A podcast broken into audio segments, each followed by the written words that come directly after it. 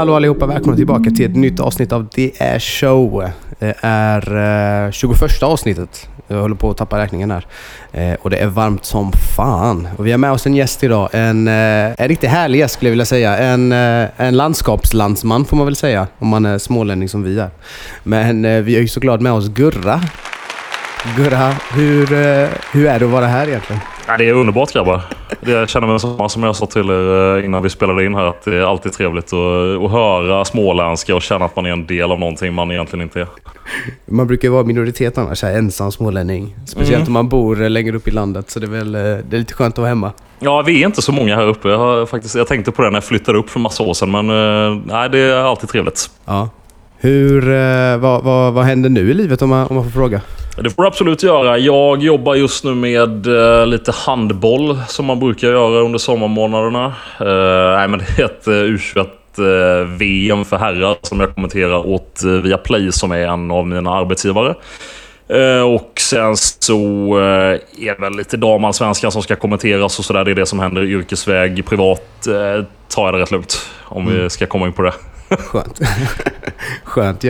Eh, vi har ju bjudit in dig för att snacka lite fotboll, snacka lite gött. Se eh, vad du själv har haft för eh, karriär. Du är ju väldigt poppis på sociala medier för alla imitationer du har gjort. Strålande imitationer om man får säga så. Ja, det stämmer. Eh, nej. nej, men tack. Men eh, innan vi går in på det ska jag bara se hur, hur Anton mår. Anton, var, det var ett tag sedan du var med tog ett avsnitt. Ja, det är inte lätt att få ihop livspusslet men eh, nu är jag här och det är varmt och det är eh, gött och vi har med oss lite annorlunda gäster idag så det är kul. Ja. Lite andra perspektiv från kommentatorstolen. Faktiskt, så jag tänkte att vi, vi hoppar rakt in. Gurra, kan du eh, berätta om din egen relation till, till fotboll? Om vi börjar där. Vart, eh, vad startade det? Alltså det har funnits ett extremt stort intresse så länge jag kan minnas. Min pappa är jättefotbollsintresserad och har en storebror som också blev eh, indoktrinerad tidigt inom fotboll. Eh, kusiner som är intresserade, farmor och farfar är jätteintresserade. Så att det har alltid varit oerhört mycket fotboll. Eh, spelat själv fram tills jag var 18 på, ja, på seniornivå i alla fall. Sen på några år och sådär. Sen, vad ska vi säga, 8-9 år så har jag en yrkesmässig relation i egenskap av kommentator eh, till fotboll på väldigt varierad nivå. Det är allt från Premier League till eh, ettan södra mellan två åker och ja, Ariana FC och sånt. Så det har alltid varit väldigt mycket fotboll.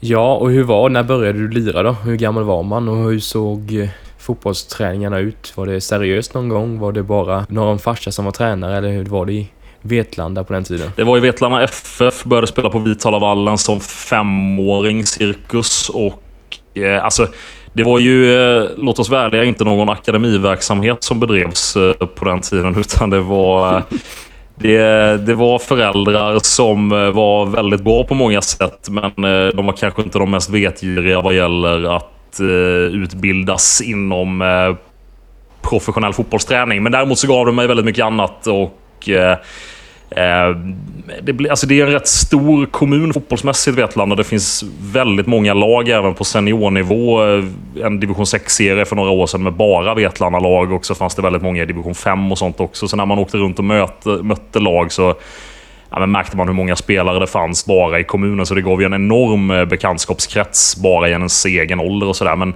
ledarmässigt och satsningsmässigt och sådär så det var ju inte... Det var, det var bredd personifierat i Vetlanda FF, eh, vilket jag antar att det är fortfarande. Det är ju en ganska liten förening som inte längre finns, eller föreningen finns, men A-laget eh, har gått upp i en hybridverksamhet, vilket sedan tio år har gjort mig väldigt irriterad varje gång jag tänker på det. Alltså, det, det gillar du inte? Nej, det gör jag inte. Vi ska inte gå in på det. För då blir jag bara förbannad och jag vet inte hur intressant det är. Men de slogs ihop i alla fall med Myresjö IF som eh, är en ganska... Eller sett i storlek lär det vara en av landets mest framgångsrika föreningar tror jag. För det bor några hundra där och de har varit i semifinal i Svenska Cupen och vunnit mot IFK Göteborg på 80-talet och sånt där. Och de eh, började tappa lite spelare i början på 10-talet och då var Vetlanda FF där och kände att nu ska vi göra en satsning gemensamt och bilda Myresjö Vetlanda FK. Och eh, från att ha varit ett division 2-lag och ett division 3-lag så blev det ett division 4-lag. Eh, av det. Och numera spelar de i division 3. Men eh, det, är- nej, det gör mig ont än idag faktiskt. Ja, det är inte lätt att få ihop spelarna ut i bygderna längre. Det, är ju, det har ju krävts mycket ideella krafter förut och det känns som att det blir bara färre och färre för att få ihop det. Så försöker man samarbeta istället. Det är väl det som är vägen. är väl inte det så romantiskt ändå. Nej, alltså det jag önskar att de hade gjort är att de bara hade låtit Myresjö bli ett division 6-lag på egen hand och så hade man själva varit eh, herren på täppan i kommunen som Vetan FF som för övrigt fyller 100 år om vad är det nu? Det är sju år tror jag. 1930 ja. Så att, eh, det, är, det är lite synd att det blev en, eh, en hybridförening som spelar i svart och vitt och som jag i alla fall känner noll anknytning till trots att jag är uppvuxen i stort sett i Vitalavallen när de spelar. Ja, hur länge höll du på att spela då? Blev det någon nivå? Eh, spela fram till jag var 18. Ja, men eh, alltså... Jag spelade i eh, Vetlanda FF fram till jag var... Eller jag hade inte fyllt 18 förresten, utan jag la av där mitt i säsongen för jag spelade innebandy parallellt och då gick det inte att hålla det på någorlunda nivå. Men då spelade de i en serie som hette Division 4 Elit och det låter ju parodiskt, bara ordet att spela i Elit 4. Men eh, det var så många lag i Småland och Kalm på den tiden mellan Division 3 och Division 4 som höll den nivån och då eh, ja, satte man in ytterligare en serie då. Så att jag har alltså varit med och vunnit Division 4 Elit som var steget mellan division 3 och division 4, vilket jag än idag är oerhört stolt över. Eh, men eh, alltså jag gjorde väl A-lagsdebut när jag var 16 där och eh, gjorde några A-lagsmatcher och som sagt vi gick upp och sådär. Så, ja, men den nivån spelade jag ju på och sen så upptäckte jag väl relativt tidigt... Alltså jag hade som alla andra drömmar en bit in att man skulle spela landslag och Premier League och sådär. Men sen runt kanske 13-14 års åldern så började man ju förstå via riksläger och sånt att nålsögat som det är, alltså det blir väldigt snabbt mindre och mindre och väldigt mycket mindre och eh, det insåg man när man precis hade börjat med smålandslagsuttagningar och då började jag fatta att det krävs nog någonting jag inte är beredd att offra. Mm. Och eh, så exceptionellt talangfull att jag får massa saker gratis var jag liksom inte nära att vara heller. Eh, på den nivån. Men jag minns aldrig att det var en mental smäll eller sådär som gjorde mig ont när man upptäckte det. Utan jag ville ju upp i Vetlanda FFs A-lag och spela och jag hade ju det som mål också. Så det var inte så att eh, bara för att man insåg att det inte kommer bli några landskamper att man gav upp. För att eh, det var ju kul att spela också.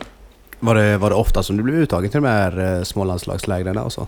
Nej, nej, men alltså när det var de här zonlägeruttagningarna där man gick första och andra steget mot första samlingarna. Mm. Och så där, det var ju då, det var då jag menar att jag insåg att det finns rätt mycket bra spelare bara i min ålderskull bara i det här området. Ja. Så det, det, är ganska, det, blir, det blir ganska tufft det här om man ska någonstans. Hur var det att köra bandyn eh, parallellt där då? Innebandy märk väl. Riktigt. Ja, innebandy. Uh, nej, men det, det, är ju, uh, det gick ju jättebra att kombinera. Sen så valde jag innebandy av det enkla skälet att jag var bättre på det och jag tyckte det var lite roligare också. Det, alltså det är en... Uh, jag brukar ju prata om att division 1 är den svåraste nivån att hålla till på för spelare. Och det, det är det ju naturligtvis. Men division 3-4 där är ju också en nivå att det är ju inte så att du kan träna kanske en gång i veckan och dyka upp lite när du vill. Utan det är ju lite seriositet också. Tränarna har ändå lite utbildning och det är lite publik och kollar och sådär. Mm. Eh, och den, den nivån passade inte mig riktigt. Eh, jag tyckte inte det var lika kul utan jag borde kanske gått ner ett steg lite tidigare om jag skulle fortsatt. Men innebandy var lite, det var lite mer laid back människor och symboliserar väl den sporten lite mer generellt. Men framförallt så var jag bättre på att spela innebandy, kort och gott. Ja. Hur var du som eh, fotbollsspelare då, om du skulle beskriva dig eh, idag? Eh, alltså där och då, jag hade ganska, ganska bra skott och bra speluppfattning och sådär. Sen var jag usel på att eh, dribbla. Har jag liksom... Jag, Alltså jag är bra på att driva bollen framåt med fart och inte göra någonting med den. Bara springa liksom. Men en mot en situationer är... Jag kan inte... Jag kan liksom inte dribbla av min brors son. Han fyller två snart.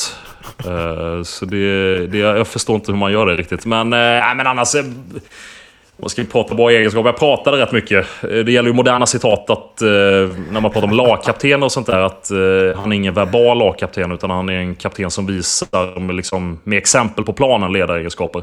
Det var inte jag utan jag pratade mycket. Eh, sådär. Men annars rätt så hyfsad med bollen. Eh, bra speluppfattning liksom. Vad lirar du för position? Började som innermittfältare. Sen eh, gick jag ner ett hack, spelade mycket eh, ytterback ett tag och sen så avslutade jag som mittback framförallt. Men när jag spelade i Vetlanda FFs A-lag innan jag la av det så var jag vänsterback faktiskt oftast. Ja. Mest för att vi hade ingen bra spelare där. Och eh, att eh, jag gjorde det väl helt okej okay, liksom. Hur, hur, var det att lira med seniorer så tidigt? Jag vet att Anton här gjorde ju samma grej när han var typ 15, någonting sånt. Det, det jag märkte tidigt var hur hur mycket man utvecklades av att spela med bättre spelare. För att vi hade ju, när jag gick upp och gjorde mina första träningar, jag kommer ihåg det, jag hade alltså inte fyllt 16 då. Så fick vi göra eh, någon vecka på sommaren under uppehållet. Det var lite så blandad fys och eh, fotbollsträning. Då spelade de i division 3 och den serien var ganska bra. Det var neråt Blekinge och de är ganska bra de lagen faktiskt. Och då, eh, de, eh, det var ju seniora spelare, det var inte så att det var 18-åringar bara, utan det var ju spelare som var 23, 25, några var ju över 30 också. Och då märkte jag just det där att eh, man utvecklas bara av att spela med bra spelare. Man blir bättre själv väldigt ordentligt. Det är därför jag liksom någonstans känner att när man ibland pratar om, inte får jag någon jämförelse med min egen karriär, men just om man pratar om spelare som på division 1, där den spelaren dominerade ju inte ens i division 1. Nej, men det är vissa som också blir bättre av att spela med bra spelare och betydligt tydligare än många andra, om ni förstår vad jag menar. Så det var nog den eh, mest bestående känslan jag hade just ifrån det, förutom att eh, det var väldigt jobbigt, för de är ju de är vältränade på den nivån, tror det eller ej. Ja, de är det. Har du, blir det några eh, grusförsäsonger i Vetlanda. Annars var de ju rätt tidiga på konstgräs om man jämför med grannkommunen som jag kom från, Sävsjö, som inte hade konstgräs förrän ett, ett par år sedan. Nej, vi var ju också sena faktiskt. Jag tror 2011 så... Eller vi hade någon sån här riktig 80-talsvariant eh, på äh, gamla uterinken vid Tjustkulle, där bandyarenan. Sen byggde de Heds arena och då är ju konstgräs på den. Men vi hade ju, alltså, vi hade ju grusträningar fan eh, fram till 2011 alltså. Det, ja. det, var, det, det, var bara grus på försäsongen. Um, sen har vi ofta, vi har ofta ganska bra gräsplaner eh, både på mm, Myrvalla ute i Myrsjö och på Vitalavallen var också bra. V-planen var ofta bra. Vetlanda GIF har också haft bra planer alltid. Men eh, nej, det, var, det var mycket grusträningar med orangea och gula bollar bakom mm. Vitalavallens eh, kansli där. Så att, eh, när, det, när det dyker upp så här att ja, det finns inga planer i, i Stockholm. Jag minns när man spelar på grus i Stockholm. Ja, man spelar på grus i Småland fram till för tio år sedan. Kan mm. jag känna då. Ja, jag känner samma. Vi, de här orangea bollarna i ansiktet på med, med grusskorna på så att det, det var ett fint sätt att härdas på. Man blir inte så bortskämd sen. Ja, de måste vägt, eh, de måste vägt fem kilo de där bollarna när man tänker efter. Ja, det var helt sjukt alltså. de var otroliga. Eh, hade du någon eh, idol? Vi Hade några förebilder? Vad var det man kollade på på den tiden? Ja, absolut. Framförallt två stycken. Det var, dels var det Steven Gerrard och sen så var det Zidane som var mina stora idoler. Zidane vet jag inte riktigt när det... Eller jo, det vet jag visst. Det var EM 2000, kommer jag ihåg. Han var så jävla bra där i det mästerskapet. Så då följde jag för han. Och sen så fick jag en tröja med Steven Gerrard faktiskt. Det var innan han var etablerad i landslaget. Så köpte pappa en... En sån här röd, den röda, vinröda bottatröja, eller vinröd, mörkröda eh, bottatröjan som England eh, körde redan innan han var etablerad. Så den har jag faktiskt uppe på eh, vinden fortfarande. Och då blev ju han en en stor idol för mig. Där jag tyckte att jag kunde känna igen mig själv lite i hans spelstil och sådär. Så att, han blev en stor favorit för min egen del. Det är framförallt de två. Hur kom det sig att han köpte just Gerards tröja? Jag vet inte. Han har ett vasst öga faktiskt. Men jag vet inte om det bara var tur eller om den bara dök upp eller någonting. Men han har berättat flera gånger att han, han såg att det skulle bli något bra av den killen. Jävlar. Nu var inte Gerard 15 liksom, men han var, han var inte jättegammal heller. Aha. Nej, jag fattar. Sjukt. Följde du allsvenskan och svensk fotboll nära redan på den tiden? Ja, absolut. Jag har följt allsvenskan sen... Vad ska vi säga? Alltså absolut tidigt 2000-tal. Precis efter sekelskiftet där så har jag hängt med på kontinuerlig basis. Och gör ju det fortfarande av... Eh, det har gjort tidigare delvis av yrkesskäl också, men det är framförallt privat så är det ju den ligan som jag alltid har brytt mig om och eh, som är den liga som jag brinner för och någonstans... Nej, men I viss mån har vikt mitt liv åt privat för att eh, jag känner att det finns ingenting som har gjort mer med mig än allsvenskan på många fronter. Alltså. Ja, det är intressant. Jag känner ju, eh, för mig är det ju tvärtom. Jag har ju inte känt så mycket för allsvenskan Nej. i mitt liv. Men eh, Anton känner ju exempelvis lite mer än vad jag gör. Väldigt Men för mer. mig har det alltid varit eh, Serie A och Premier League liksom. Så det är ändå kul att höra att det betyder mycket mer för, för andra än vad det gör för mig. Men idag då Gurra, vad har du för tankar kring svensk fotboll i allmänhet? Ligger vi eh, bra till? Vad behöver vi bli bättre på? Lite sånt. Alltså, jag är ju rätt dålig på ungdomsnivå och sånt där. Jag har ingen koll på... Eller jag har ingen erfarenhet ska jag säga av eh, hur det ser ut på lägre liksom, ungdomsnivå och sånt där.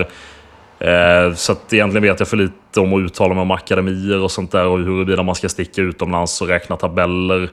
Rent spontant så tror jag inte på det. Jag tror att man kan lösa det på andra sätt. Men något som stör mig lite gällande svensk fotboll framförallt det är det vi pratade om nyss. Att konstgräsets inverkan, hur det har slagit alltså helt omvänt mot vilka spelare Sverige fostrade för 30 år sedan kontra vilka spelare vi fostrar idag. Eh, och det hörde jag redan 2014 tror jag, någon, kommer inte ihåg vem det var som berättade det, att Eh, Arsenal har skippat sin scouting både i Norge och Sverige. Och det här är ju tio år sedan. För att vi fostrar konstgrässpelare rakt upp och ner. Och det, jag vet inte eh, om det har gjorts någon rejäl genomgång av det från förbundets håll. Hur mycket det faktiskt påverkar eftersom att det är så pass eh, unikt. Nu vet jag att Island gör ju samma sak och de håller ju också på att helt förändra sitt eh, spelar, alltså spelarsätt om man ska säga vilka spelare de får fram. Jämfört med många andra länder. och så där. Sen är ju Sverige unikt i och med att det är så himla mycket konstgräs i eh, högsta serien också. Eh, men det, det känns som vi diskuterar konstgräs på ett sätt som vi har gjort i 20 år där vi inte kommer någonstans överhuvudtaget. Det, det tror jag har en stor inverkan på vilka spelare som... Jag vet ju har en stor inverkan på vilka som fostras. Så det, det skulle jag väl någonstans eh, vilja veta hur man ser på det faktiskt. Men sen så... Alltså det finns ju många saker naturligtvis som är bra med svensk fotboll, framförallt på breddnivå tror jag att det är fortfarande väldigt trots eh, urbanisering och dylikt, att det finns väldigt mycket föreningar i stort sett i hela landet. Där tror jag att svensk fotboll är ganska duktiga. Men just på elitnivå så känns det som det finns ganska mycket problem och eh, eller framförallt utmaningar att ta tag i. Dels för att fostra landslagsspelare och sen eh, för att hålla allsvenskan i schack när det kommer diverse krafter som vill göra saker med den serien. Ja, så är det ju. Och konstgräs är ju tyvärr en ekonomisk fråga. Och när eh, klubbar, som, som vi varit inne på tidigare poddar, klubbar inte äger sina arenor så är, Precis. Är det, kan det bli svårt att påverka. Och då det blir det ju att man får lägga pengar själva. Och det blir som en ond cirkel för eh, om man vill bli rikare och kunna äga en egen gräsarena så måste vi ut i Europa. Och vi kommer inte ut i Europa om inte vi spelar på gräs egentligen. Man ser på många konstgräslag och Hammarby och framförallt Elfsborg för något år sedan vann ju bara nästan man på konstgräs så vann nästan ligan på det. Så man, det blir liksom att man bara kan spela konstgrässpel som du är inne på och då kommer man ju inte utvecklas jämfört med de andra lagen som spelar på gräs då i Europa. Så att det blir en lite ond spiral där.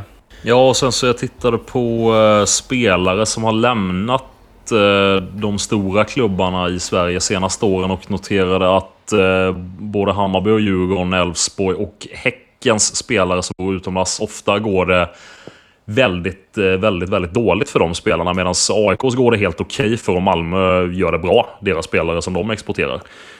Och eh, Malmö de har ju inte, alltså visst de tränar ju på konstgräs under vinterhalvåret, men de har ju bra gräsplaner även ganska tidigt på året av klimatmässiga skäl naturligtvis. Men jag tror att det finns eh, en inneboende anledning till det som man nog behöver eh, kanalisera inom svensk fotboll. Jag tycker även när man ser, har förmånen att få kommentera ungdomslandskamper ibland och det är sällan jag blir särskilt imponerad måste jag säga av de svenska ungdomslandslagen. Nu pratar vi på P16 nivå liksom, men ändå att jag tycker det, det, det, är inte någonting som vittnar om att vi gör massa rätt saker. Sen har väl Sverige aldrig varit jätteframstående på ungdomsnivå på fotbollssidan jämfört med många andra länder av väldigt många skäl. Det skulle man kunna prata mycket om hur länder som Frankrike och sånt eh, gör.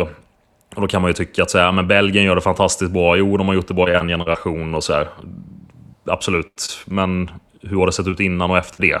Jag vet att de har VM-medaljer längre tillbaka och sådär. Men jämfört med de vi bör jämföra oss med framförallt är ju, det är ju Norge, Danmark, kanske lite liknande länder befolkningsmässigt. Och eh, det, jag vet inte det känns som det framförallt fysiska eh, delar, då pratar vi seniornivå, där, eh, där är jag ju alltjämt förvånad över hur ofta det tas upp, hur mycket de tränar i andra länder än Sverige. Det kommer jag aldrig förstå hur det kan vara så. Nej men det är så, och det är ju några spelare vi varit inne på också, till exempel Tom när han spelade i Norge, att de tränar så extremt mycket hårdare i fysmässigt än vad vi gör i Sverige. Och Tom och likadant så han var inne på när han spelade Östersund, när han hade Graham Potter, så var det också en helt annan typ av träning framförallt.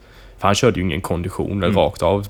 Jag tror att vi har, vi har legat kvar lite väl länge i det här, kanske ett Cooper-test ska avgöra hur bra du är, eller milen, när det inte riktigt är så man spelar fotboll. Och jag har egentligen aldrig varit, men Ja, men alltså Norge och Danmark som du var inne på, det är liksom vi hamnar... Kollar man speltid de stora klubbarna jämför Norge, Sverige och Danmark så är det ju skrämmande hur långt efter vi kommer och det är ju någon anledning som vi inte tyvärr vet ännu, men vi kanske får reda på inom en framtid.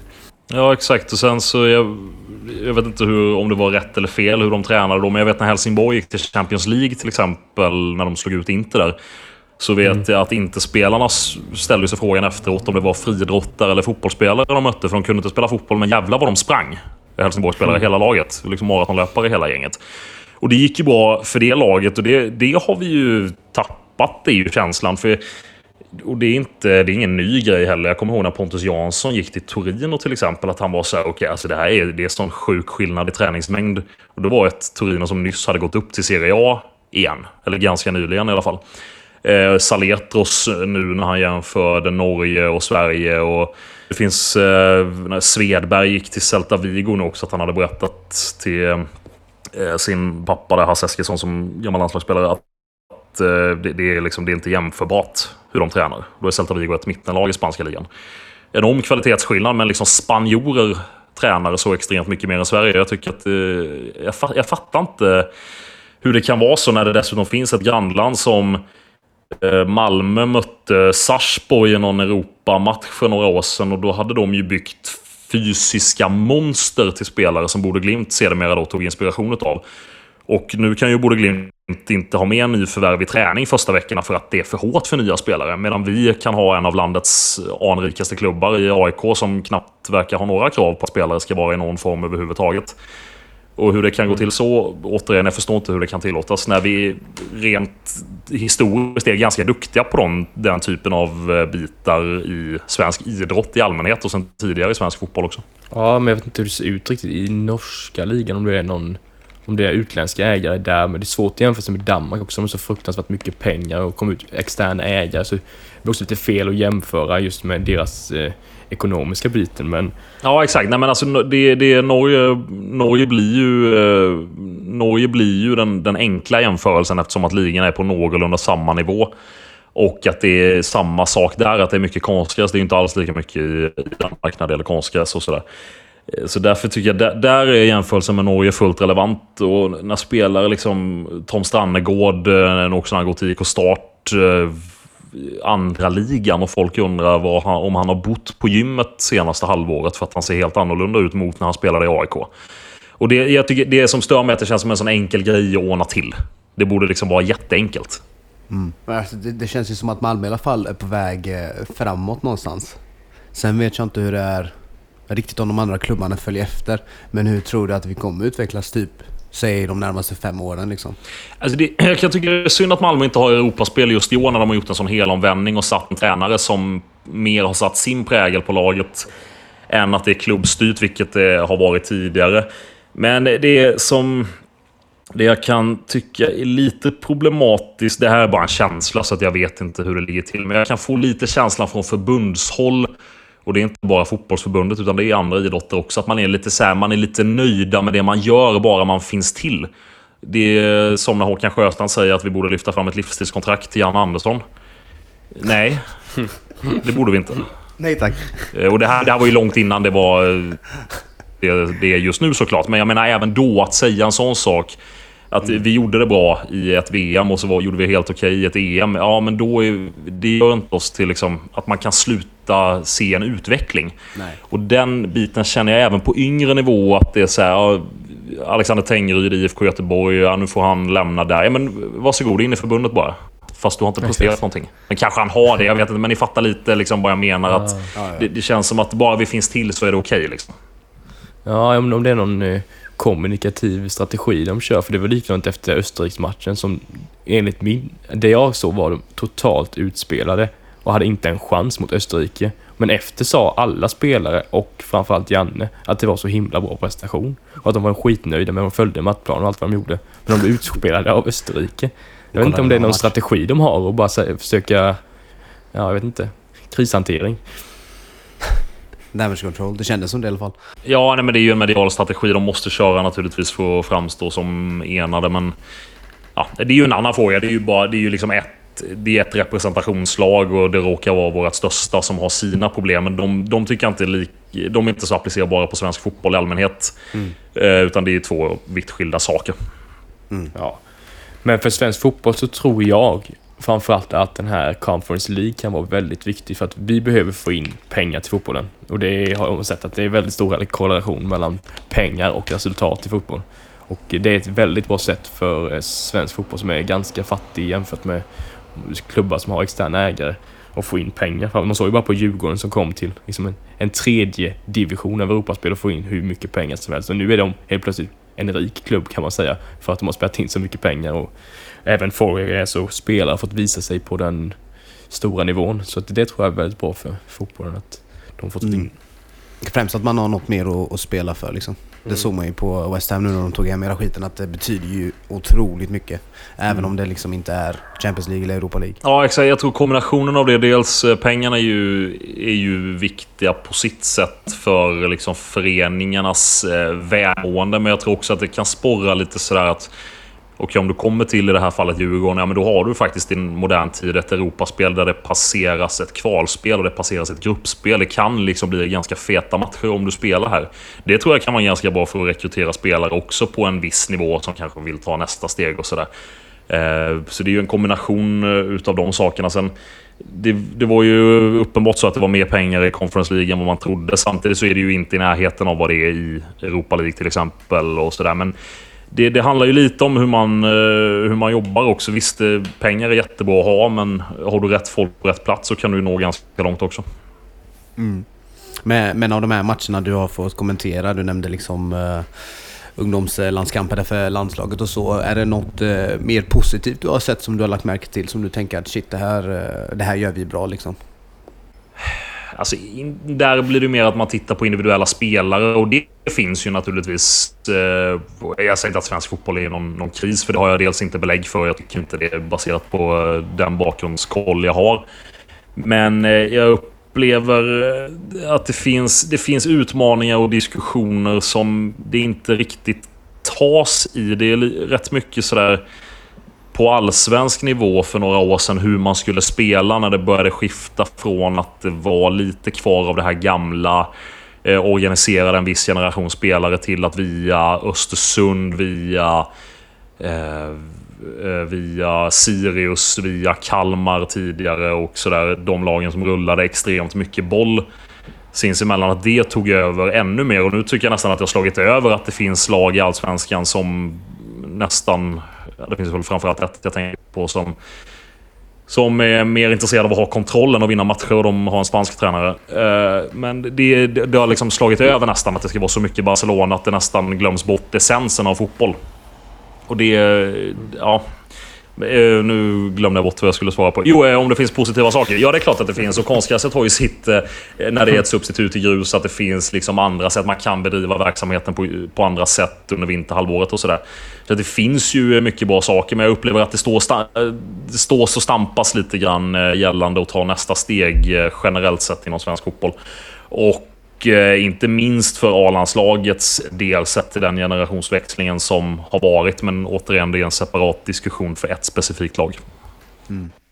Nej, men en, eh, vi har varit lite negativa. Jag tänker vi kan eh, vara lite mer positiva. Vad är det bästa med Allsvenskan nu då? Jag kan tänka mig att det är en lite ledande fråga kanske. Ja, men allsven allsvenskan är fantastisk på alla sätt. Ja, nej, men allsvenskan är ju en annan sak. Eh, Nu pratar vi mestadels landslagsnivå och fostra spelare och sådär. Allsvenskan för mig är ju något helt annat eh, i sammanhanget. Där finns det ju saker som inte finns i andra ligor och det låter klyschigt att säga så, men så är det ju faktiskt. Och jag blir, eh, jag blir beklämd när jag hör Fredrik Reinfeldt sitta och säga att det är några få supportrar som inte vill ha VAR. För mig är VAR hela fotbollens fråga. Det är inte några klubbar som har hand om det här, utan det är hela fotbollen. Det är hela det uppväxande släktet, alla de som vill bli någonting inom fotbollen. Det är hela publikens fråga, inte bara några få supportrar. Mm. För det stämmer inte. Nej, Sen vet jag också att det är, att det är jobbigt. Eh, jag, jag, tror att som spelare är det jättejobbigt att hålla till i Allsvenskan och få frågor om supporterkultur och få frågor om VAR och sådana saker där det finns. Så är det. Det finns ju en mobb inom supporterkulturen just i det fallet. Eller mobb är kanske fel men en stor majoritet som tycker en sak. Och tycker du inte så. Mm. Då, då sticker det ut ganska mycket. Alltså är du för VAR som gemene fotbollssupporter, då är du inte så populär. Mm. Jag upplever inte att du blir hotad till livet per definition, men det är inte populärt och det är samma med att du vill avskaffa 51%-regeln och sådär. Jag tycker inte 51%-regeln ska avskaffas i någon form överhuvudtaget, men att den ska diskuteras, det är väl ganska självklart, annars kommer vi ju ingenstans. Och sen skulle jag ju då tro och kunna argumentera för ganska mycket som gör att den ska vara kvar och sådär. Men allsvenskan generellt, jag bryr mig inte om allsvenskan är... Det, det, är nog det som står mig mest genom alla diskussioner, genom alla tider, när det argumenteras för att svensk fotboll halkar efter för att vi typ inte har VAR och att vi har 51%-regeln. Jag kunde inte bry mig mindre om allsvenskan är strax före den israeliska ligan eller strax före den tjeckiska. Mm. Jag bryr mig inte. Det gör mig ingenting för att jag, jag har ingenting att referera till med de ligorna. Jag vill inte att allsvenskan ska vara de ligorna. Sen vad Danmark håller på med, om man refererar till Nordsjälland och sådär. Jo men, alltså så här, Det är ju som att Ljungskile ska ha en arena som ägs av en akademi i Abidjan i Elfenbenskusten. Ja, säg att ASSEC eh, köper Ljungskiles arena så heter den ASSEC eh, Stadium och så är det 200 pers och kollar och så är det åtta ivorianer som spelar. Mm ju det, det är det som är i Danmark, överdrivet såklart, men lite så. Är det kul? Eh, är det värt för att vi ska bli liksom liga nummer 13 istället för liga nummer 23? Jag tycker inte det. Nej. Eh, om jag får vara lite fördomsfull då. Eh, så är det lite bekymrad över utvecklingen överlag kring toppfotbollen. Eh, blir du förbannad när folk går till... Det här är lite annan fråga, men går folk till Saudiarabien nu? Eller har det varit död för länge sedan? Ja, den har ju varit död för länge sedan. Eh, om man tycker att det är problematiskt nu, det kan jag väl tycka. Alltså, jag tycker väl att det kanske spårade ur en bra bit in på 2000-talet. Så att jag, är, jag är väldigt nollställd till att det är bra spelare som går till Saudiska ligan. Egentligen inte, men jag har svårt att bli upprörd för att jag menar, Gazprom pumpade in pengar i Zenit, Sankt Petersburg, när de vann Europa League, eller Uefa-cupen 2008. Mm. Och det var problematiskt som det var. Och eh, Manchester Citys ägare med allt vad det innebär, PSG, Qatar-VM, allting. Det, vi hade ett möte med Viaplay eh, där de, vår danske VD hade ett föredrag där han, han fick frågor. De gick ut på att när ni köper F1 i eh, Saudiarabien och Eh, DP World Tour i Dubai. Tar ni någon hänsyn till vilka länder det är? Och då svarade han eh, bara It's a dirty world we live in. Sa han. Så det är bara liksom att acceptera att det är så. Ja, ja, ja, ja han ljuger ju inte. Nej, han gör ju inte det. Och det vet jag han har sagt i andra sammanhang också. Så det är inte så att jag, att jag hänger ut honom ifrån det. Utan det var... Eh, det, det, är liksom den diskussionen som har, som har gått. Och... Eh, Nej, som svar på frågan så... Uh, jag tycker inte det är kul, men jag blir inte upprörd. För jag åker inte Nej. bli upprörd. Nej, men precis. Och jag känner likadant. För mig är inte Premier League så pass mycket finare. Även om det finns en kultur än Saudiarabien. Men så här, det är ju ändå katarska och saudiarabiska ägare. Så för mig... Alltså de, det, är ju, det är ju inga supportrar som äger klubbar. Det är liksom inte... Det är ju, för mig är det fake alltihop. Och, och så likadant med den här superligan så ska folk gå Uefas ärende och säga att det är skit bara för att Uefa ska ha, ska ha monopol på det här och ägandet. Och Uefa är ju inte världens bästa organisation heller.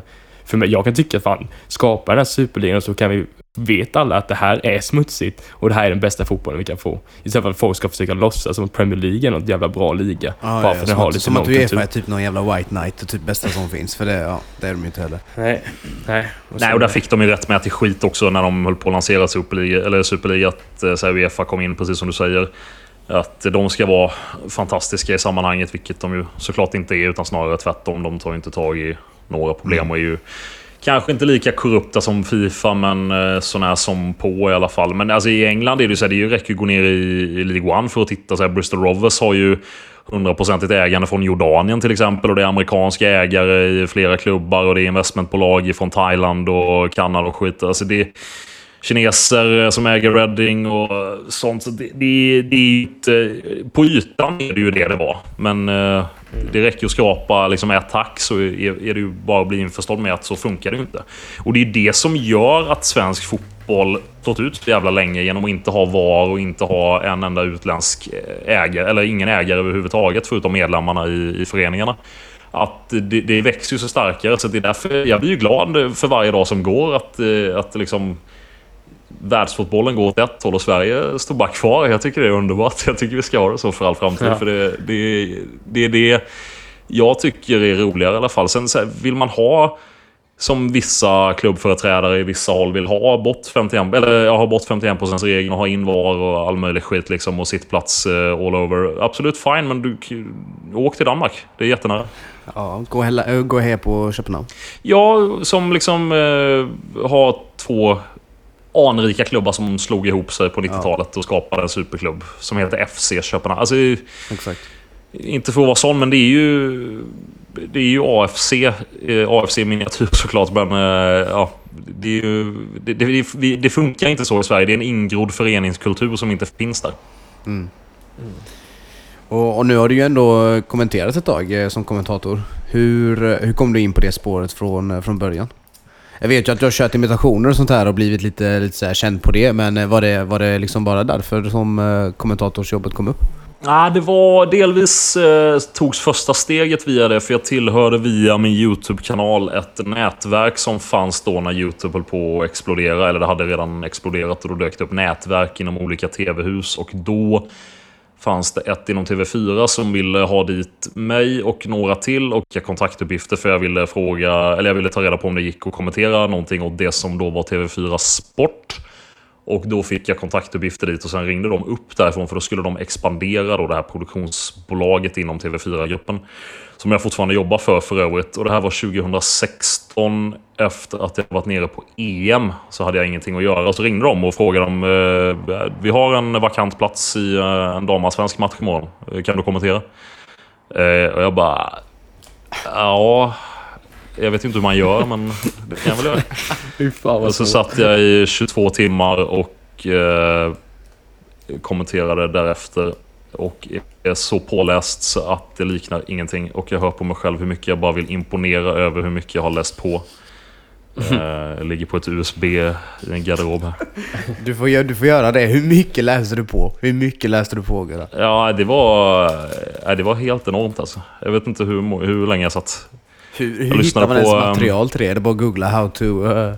Be a commentator eller vad, vad grejen? Nej, men då fan, jag, vet, jag visste att det fanns en podd som hade intervjuat många kommentatorer, så den gick jag igenom eh, med Henrik Strömblad och eh, ja, de här som, eh, som hade blivit intervjuade i just den specifika podden. Nu kommer jag inte ihåg vad den hette. Men då gick jag igenom så här, vad ska man tänka på och allt sånt där. Men eh, det spelar ingen roll hur mycket inspiration eller tips man får för, utan allt det handlar om är att du måste göra det bara.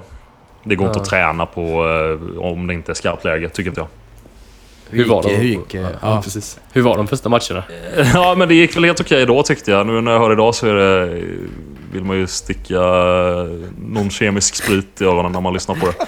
Men eh, det, det gick i alla fall tillräckligt bra för att jag skulle få fortsätta och sen så skulle de då expandera eh, Eh, det här produktionsbolaget då och då fick de rättigheterna till Hockeyallsvenskan och till Handbollsligan samtliga matcher och sen började jag jobba åt dem. Eh, via Discovery en kort sväng var jag på eh, när de hade lite brist under OS. Eh, fick jag kommentera Allsvenskan en match bland annat och sen så eh, rycktes jag vidare till Viaplay. Och där har jag varit i två år nu. Får du önska eller välja vad du vill eh, kommentera på eller bara att det blir, eh, det blir bara random? Nej, det är tilldelat av de som eh, bokar. Sen så de fördelar det jävligt eh, schysst ofta. Så att eh, vi som är lägst i hierarkin på Viaplay till exempel eh, får eh, av förklarliga anledningar för att vi är yngst och kom in sist så eh, eh får vi ibland rätt schyssta matcher för att vi också gnuggar lite med liksom, tysk damfotboll och sånt där. Som inte är det hetaste kanske. och Och eh, så fick jag Liverpool bland annat i sista omgången. Så här betydelselös match, men det är ändå kul att kommentera Liverpool. Liksom. Ja. ja, roligt. Vad är den, eh, vad den största matchen du kommenterat då? Skulle det vara den, Liverpool kanske? Nej, den gällde inte så mycket. Men däremot så hade jag Tottenham Leeds innan VM. Det blev... Leeds ledde 3-2 och sen kom Dejan Kulusevski in och var överjordiskt bra och assisterade fram till Benton Cour sista minuten.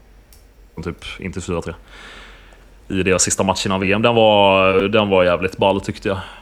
Um, Det är en match som jag har kollat på där du kommenterade, men jag har ingen aning om vilken det är. Men det kan nog ha varit den.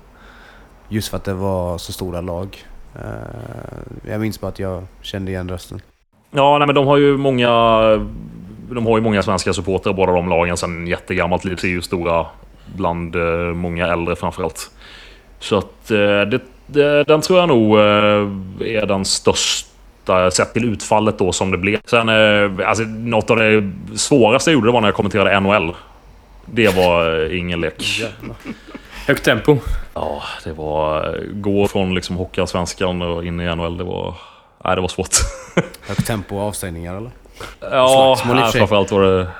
Nej, det är, det är inte så mycket sånt nu för tiden, men det var... Man förstår hur bra de är, kan jag säga. NHL-spelarna. Hur var det att ställa om till det där egentligen? Från att bara köra, eller mestadels köra fotboll i alla fall och vara bra på det. Till att byta till hockey. Ja, men jag, kör, jag har kört mycket hockey och väldigt mycket handboll och eh, basket också. Så att eh, byta sporter är inga problem. Jag har kommenterat tre matcher på en dag i tre olika sporter. Eh, så att det där med att hålla isär eh, uttryck och sånt där och termer eh, tror jag att jag är ganska duktig på. Jävligt intressant alltså. Basket är också speciellt. Jag Ja, kan inte faktiskt. så mycket. Ja, men det, det är lite komplicerat om man först gör en innebandymatch och pratar om sarg och, eh, och olika målgårdar och sen så ska du in i basket och prata om eh, baslinjer och plankor och poäng istället för mål och sen så flyger du in i en, eh, vad det nu var, någon fotbollsmatch eller... Nej, handbollsmatch var det nog. I sista och då är det utvis, två minuters utvisningar och sånt. Och när man är inne på liksom timme nummer 10 på den dagen, då är man rätt snurrig i huvudet va. Hur eh, ser det ut på sidan om då? Är det någon bandy än idag eller är det någon... Innebandy, sorry. Är det någon innebandy än idag eller är det någon fotboll än idag? Eh, nej, nu eh, i och med att vi har eh, sabbatsår från vårt fantastiska korplag här nu som vi har spelat i, eh, i fyra fem år så eh, är det ganska lite av den varan. Vi, eh, vi lirar eh, lite med jobbet och sådär ibland men annars eh, jag håller inte igång på, eh, på det sättet utan jag, jag gör bättre ifrån mig som eh, verbal betraktare. Mm. Ja men det låter bra. Och eh, på tal om eh, verbal betraktare. Det, det är ju klart att du är ett invitationsproffs. Men eh, jag skulle våga sticka ut hakan. Anton säger att jag gör en ganska bra Zlatan. Och vi... Eh, Nu, är, nu, är det, nu, är det, nu är det ömtåligt glas här. Verkligen. jag, jag, jag har fått höra det här. då. Och jag tänkte att eh, vi kör en liten grej där du får iscensätta en liten intervju med mig. Tror du du vill göra det? Ja, absolut. Ska inte du vara någon kommentator göra? Eh, vem ska vi ta då? Eh, alltså Star är ju ingen intervjuare på det sättet, men... Eh, Nej, jävligt rolig annars. eh, vad kan vi ta? Gör du en bra Janne? Eh, Nej, men eh, Olof Lund kan vi ta bara Oh, för att den få är den Oj, oj, oj. Det är, det är en favorit. Fråga om lön och fråga om vad jag spelar Ja. på. Så, ja men låt oss. Känner du Kör dig på. redo? Jag tror på dig, Vigan.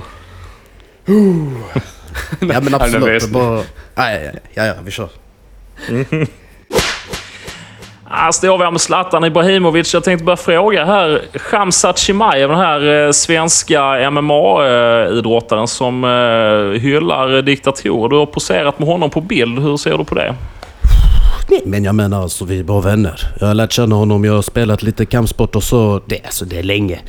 Så träffa på honom och det, det är liksom bara vänskap. Så vad, vad han gör politiskt och sånt, jag, jag blandar inte mig i där utan vi är vänner på det planet och det är väl så vi lärt känna varandra liksom. Så jag har ingen kommentar riktigt om vad, vad han hänger med för personer så om, om, det, om det är det du frågar. Berlusconi tafsat på brudar i många år. Gubbe, du har känt honom, det är din kompis, nu är han avliden. Vad säger du om hans beteende? Nej, men du, du vet ju bäst. Så du kan ju, du kan ju svara på den frågan till mig. Men, eh, nej, alltså Berlusconi är en gammal god vän och sen vad han gjorde vid sidan om. Jag menar, det, det, det var inte någonting som intresserade mig. Utan jag var bara där för fotbollen och... Nej, men det, det, det är det jag kan svara på liksom. Så politik och sånt, jag har alltid hållit mig undan. Nu har jag lagt skorna på hyllan. Jag vet, jag vill bara ta det lugnt.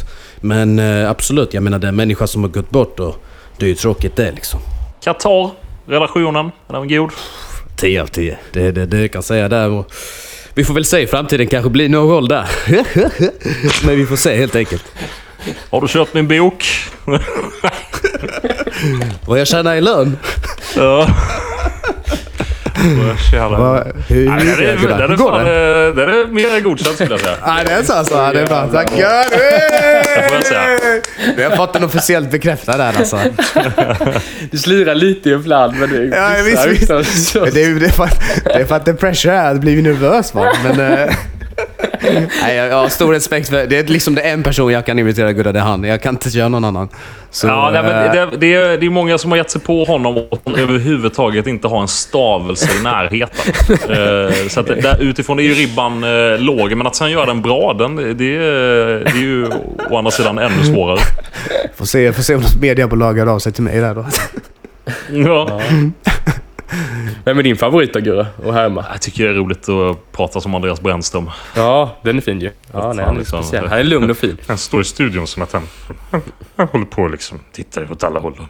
Och så vet man inte riktigt hur han mår. Om, om han håller på att tappa luften eller vad det är som händer. Så. Ja, Det tar lite tid. Gör du en bra, gör du en bra bojan? Har du testat på dig bojan någon gång? Ja, det var, eh, det var många år sedan. Han tar upp det varje gång vi ses också. Vilket Är det så? så ofta. Ja, Äh, var han imponerad, men, eh, eller? Ja, det var. Men eh, jag måste tänka nu. Det är inte det här Manchester United jag känner igen. Det är inte det jag spelade i under Sir Alex han hämtade mig på flygplatsen. Därför att det, det, det, är den, det är den saken vi kommer att diskutera här. Och när vi inte gör det, vem ska jag ta? Vem ska jag berätta det för? Vem, den här ligan är inte den jag känner igen. Nej, det är helt sjukt alltså. Det är bra det. Oj, oj, oj. Ja, vi får se om han eh, håller sig i styret här kommande landslagsmatcher liksom. Men, eh, vi, kan, vi kan väl gå in lite på landslaget vad, här. Vad i- menar du? Vad är det som har hänt? Ja men vem representerar du? Nej men eh, vad, eh, vad, vad tycker du om landslaget nu? Alltså allmänt, vi har ju snackat lite så men... Eh, vad, alltså jag är ju lite grann out. Anton är också lite grann out. Vad, vågar, får du uttala dig om sånt här eller hur, eh, hur ser det ut? Eh, ja, nej, men jag är ju här som privatperson, så att det, men det skulle jag nog få oavsett. Men eh, jag, jag är stolt, stolt eh, rygghållare åt Jan Andersson fram till VM-kval playoff-uttåget mot Polen. Ja, jag var ändå De, en lite längre. Ja, nej, men alltså, då var jag så här 100% han ska ingenstans, han är precis rätt man.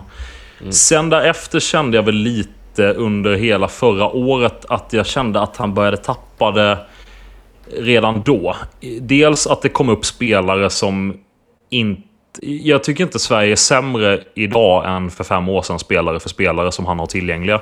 Men hans tjuriga idé om att de ska spela 4-4-2 går inte, och det, det här är ju allmänt vedertagna sanningar, att det här går ju, det går ju inte att applicera det på dagens spelare på samma sätt. Han var jättebra för en viss typ av spelare som inte längre finns. Och den generationsväxlingen blev ju väldigt tydlig liksom, när du tar ut Sebastian Larsson, får in Dejan Kulusevski, du tar ut Micke Lustig, du får in eh, Emil Kraft, eh, Martin Olsson ut in med Gabriel Gudmundsson. Alltså det, det är överhuvudtaget inte samma typ av spelare. Eh, och då, det var då jag kände att så här, jag, jag, jag kunde inte förstå jag, jag, jag kunde inte förstå människor som var arga efter EM-premiären mot Spanien i Sevilla när det blev 0-0. Oavsett om Spanien hade 82 skott på mål och 92% bollinnehav. Sverige fick poäng och vann gruppen. Det är det du ska göra. Då kommer vi återigen in till det här som jag kan störa mig lite på. Att, att landslaget, A-landslaget, herrlandslaget ska leda en utveckling inom svensk fotboll. Det ska de inte alls göra. De ska ta så mycket poäng de kan i varje specifik match de spelar. Um, för att komma till ett konkret svar här. Så jag, jag tycker att under den Nations League-sommaren så tyckte jag att han, han kändes som lite som en annan människa. Och det ihop med att han ska hålla med och tramsa i Bäst i test och hålla på och tramsa i Masked Singer. Då blev liksom den här uh, studiogrejen blev... ja, Det blev liksom kronan på hans verk tycker jag. Jag tycker att han har ingenting där att göra längre.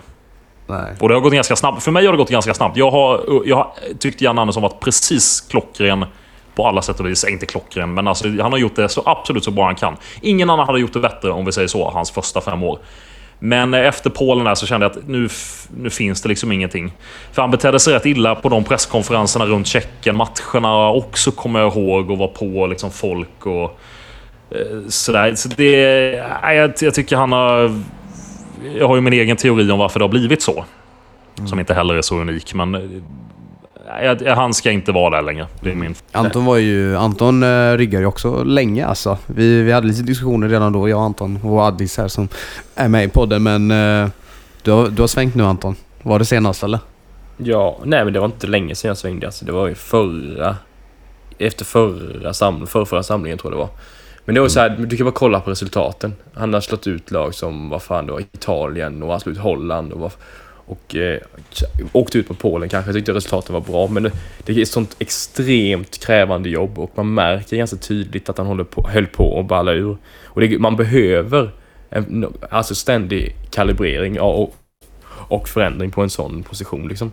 Och eh, han har varit där länge liksom. Man, eh, det är väl Ja. dags. Och jag vet inte hur långt tar han kontrakt? Är det någon som vet det? Det kanske man borde veta. Livstid. Ja, just det. det har han ju. Så att det är lite synd för de har aldrig sparkat en tränare tidigare. De har ju levt kontrakt. Ja, ja, ja. Nej men det, jag tror inte de gör det nu heller. Så det, det är helt upp till honom tror jag, att avgå eller inte. Så jag, jag vet inte, han är lite envis och jag tvekar nästan på att han gör det. Så vi får se. Eh, men det är väl den stora landslagsfrågan liksom.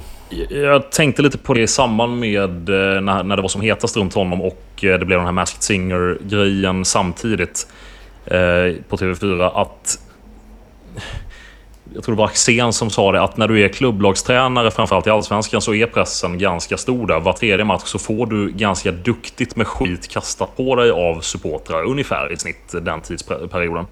När Jan Andersson då kommer ifrån en karriär där han har upplevt det och blivit ganska härdad tror jag för kritik. Då kommer han till landslaget, han gör det fantastiskt i tre, fyra år. Och få bara, alltså alla älskar honom. Hur han hanterade Zlatan, hur han hanterade spelartruppen som inte var så bra, hur det pratades om honom. Alla älskade honom över allt annat och jag också det. Eh, än idag så tycker jag, det, det är därför jag tycker det också är extra tråkigt. För det, jag hoppas inte det är det här man kommer minnas honom för. Men när det då börjar gå lite tungt och han får massa kritik. Det går kanske sex månader från en samling till en annan. Han går sex månader och ingen bryr sig riktigt om vad han håller på med. Sen så är det superintensivt i ett par dagar bara. Det tror jag är jättesvårt att hantera för hans del. Uppenbarligen extra svårt just för honom. Och då, jag, jag tror att när det då börjar gå dåligt för honom, då har han gått på lite det här att Åh, vad härligt det är att vara älskad av hela svenska folket.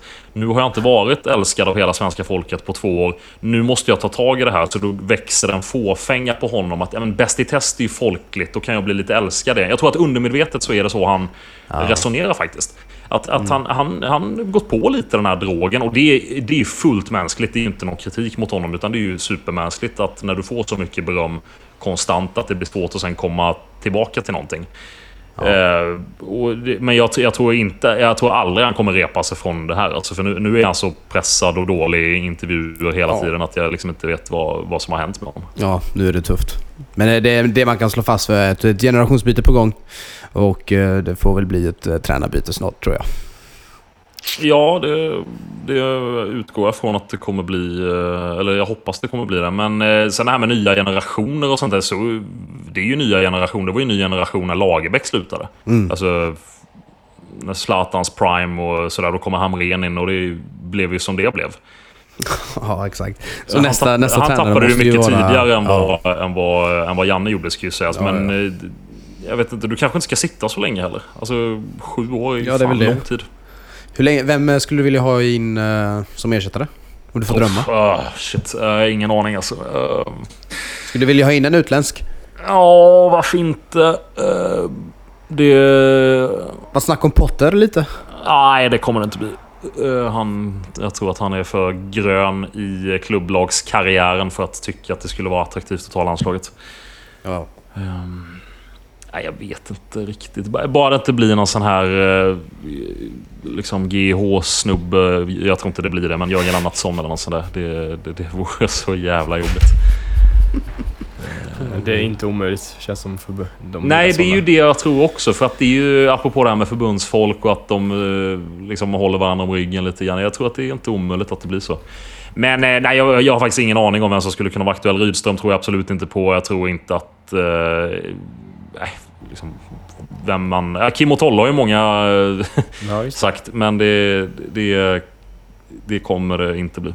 Också lite för arg, framförallt eh, Kim va? Från början känns det som. Och får kritiska frågor och mycket press. Ja, jag har intervjuat, jag har intervjuat honom en gång. Eh, och då, då var jag rätt nervös måste jag säga. Jag är sällan det inför intervju, men då kände jag uff, jag vill inte att han är på dåligt humör idag. Men han var jättetrevlig Nej. faktiskt. Han är, ju det, han är ju det ibland också. Men eh, nej, han... Eh, jag, jag, tror, jag tror inte han kommer, när förbundet går igenom hans, eh, hans attityd och vad folk säger om honom, att han kommer vara aktuell överhuvudtaget. De måste ha någon som är mer medialt sympatisk. Men eh, jag tänker att vi avrundar då snart eh, Gurra. Men som sista grej i den här podden så brukar vi köra en rolig story. Vi brukar få det från våra gäster. Så vi tänker att om du har en på lager där så får du gärna dra ut den. Det kan vara från när du lirade själv eller när du träffat eh, någon annan arg tränare. Om du har något eh, roligt. Um, det som kommer först till mig eh, när vi nu ändå har suttit och kritiserat väldigt mycket inom svensk fotboll utan att jag har så jättemycket belägg för det. Så den kan jag dra också. Men först så... När jag var 19 år gjorde jag praktik på eh, det som nu är Dobb-TV. Det hette Fan-TV då. Det här är alltså 10 år sedan. Och så skulle Sverige spela mot Irland i en VM-kvalmatch. Det var ganska viktigt på Friends som var typ nylanserad och sådär. Stod ut som fan utanför arenan. Massa järnrör och stenar och skit. Men eh, då skulle vi i alla fall in på en presskonferens där jag, jag skulle sitta och ta upp eh, ljud ifrån kameran för vi hade, vet inte varför, vi hade lite taskig utrustning. Och eh, då fick jag för första gången se Zlatan bland svenska journalister. Och det gjorde mig mörkrädd att se hur de betedde sig mot honom. Oavsett vilken världsstjärna han än må vara. Att vara så... Att krypa så mycket inför en person när man ska bevaka vederbörande gjorde att jag, jag tappade liksom respekten för dem hur det var. Så, så fort han gick in i rummet var det så här, åh, åh, åh. Alltså jag väntade bara på att de skulle liksom eh, bara be honom ställa... typ, ja. Ja, ungefär fast ännu mer. Eh, det, det var det, ja, men det är en sån här slående grej jag verkligen kommer ihåg att vilka jävla töntar ni är. Alltså ni är faktiskt här för att jobba någonstans. Och då var jag Ja, ja, 19 ja. liksom. Jag, jag hade inte gjort ett bra jobb. Vill jag vara tydlig med då. Men någonstans jobbar du för stora mediehus och har gjort det i tio år och är äldre än Zlatan Ibrahimovic. Då får du fan ha lite stak i alla fall och bete dig. Kan, jag- lite, jag kände det då.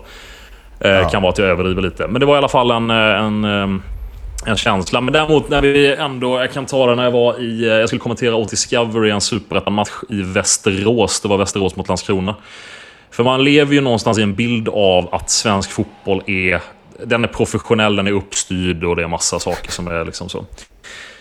Eh, det här är sommaren 21 i en tid när eh, svensk fotboll får extremt mycket kritik för att folk inte får komma tillbaka på läktarna trots att man är vaccinerade.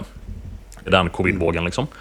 Och då är jag i Västerås på deras arena och eh, vet inte om Västerås kommer få använda Erik Björnlund som då hade lånats in ifrån Örebro. Eh, de hade lånat in honom sedan två veckor tillbaka men inte fått det registrerat. Och då frågar jag deras tränare inför att hur är det, kommer han spela? Så eh, Thomas Askebrandt, göteborgare, bara ja, jag är så jävla irriterad på det där. Du vet, vi har tagit ut 12 spelare i startelvan för vi har väntat nu i två veckor och det är inte en jävel som svarar på det där jävla kontoret. Och då, är det, då har de semester på Svenska Fotbollförbundet. Så att då behöver någon människa access till att trycka igenom en knapp för att det ska beviljas att den här spelaren då får lånas ut. Att han får spela för Västerås. Då har de väntat i två veckor på det. Sen eh, när det kommer startelva så är det mycket riktigt 12 spelare uttagna. Han är en utav dem. Och jag är bara så här, okej, hur är det här liksom? Så jag går runt lite och frågar, vet vi hur det är? Och så. Det är ingen som vet någonting. Sen när eh, de kommer ut så är Erik Björnlund med som en av de spelarna och då eh, säger jag det att ja, men Erik Björnlund är med, han gör sin debut och så. Och så intervjuar jag honom i paus för att se hur gick det till så här. När blev du klar liksom? Nej, två minuter innan vi gick ut i omklädningsrummet på uppvärmningen. Jag bara, okej. Jag känner det för mig själv. Vad fan vad oseriöst. Alltså, de vet ju att det är match här och att VSK har lånat in en spelare.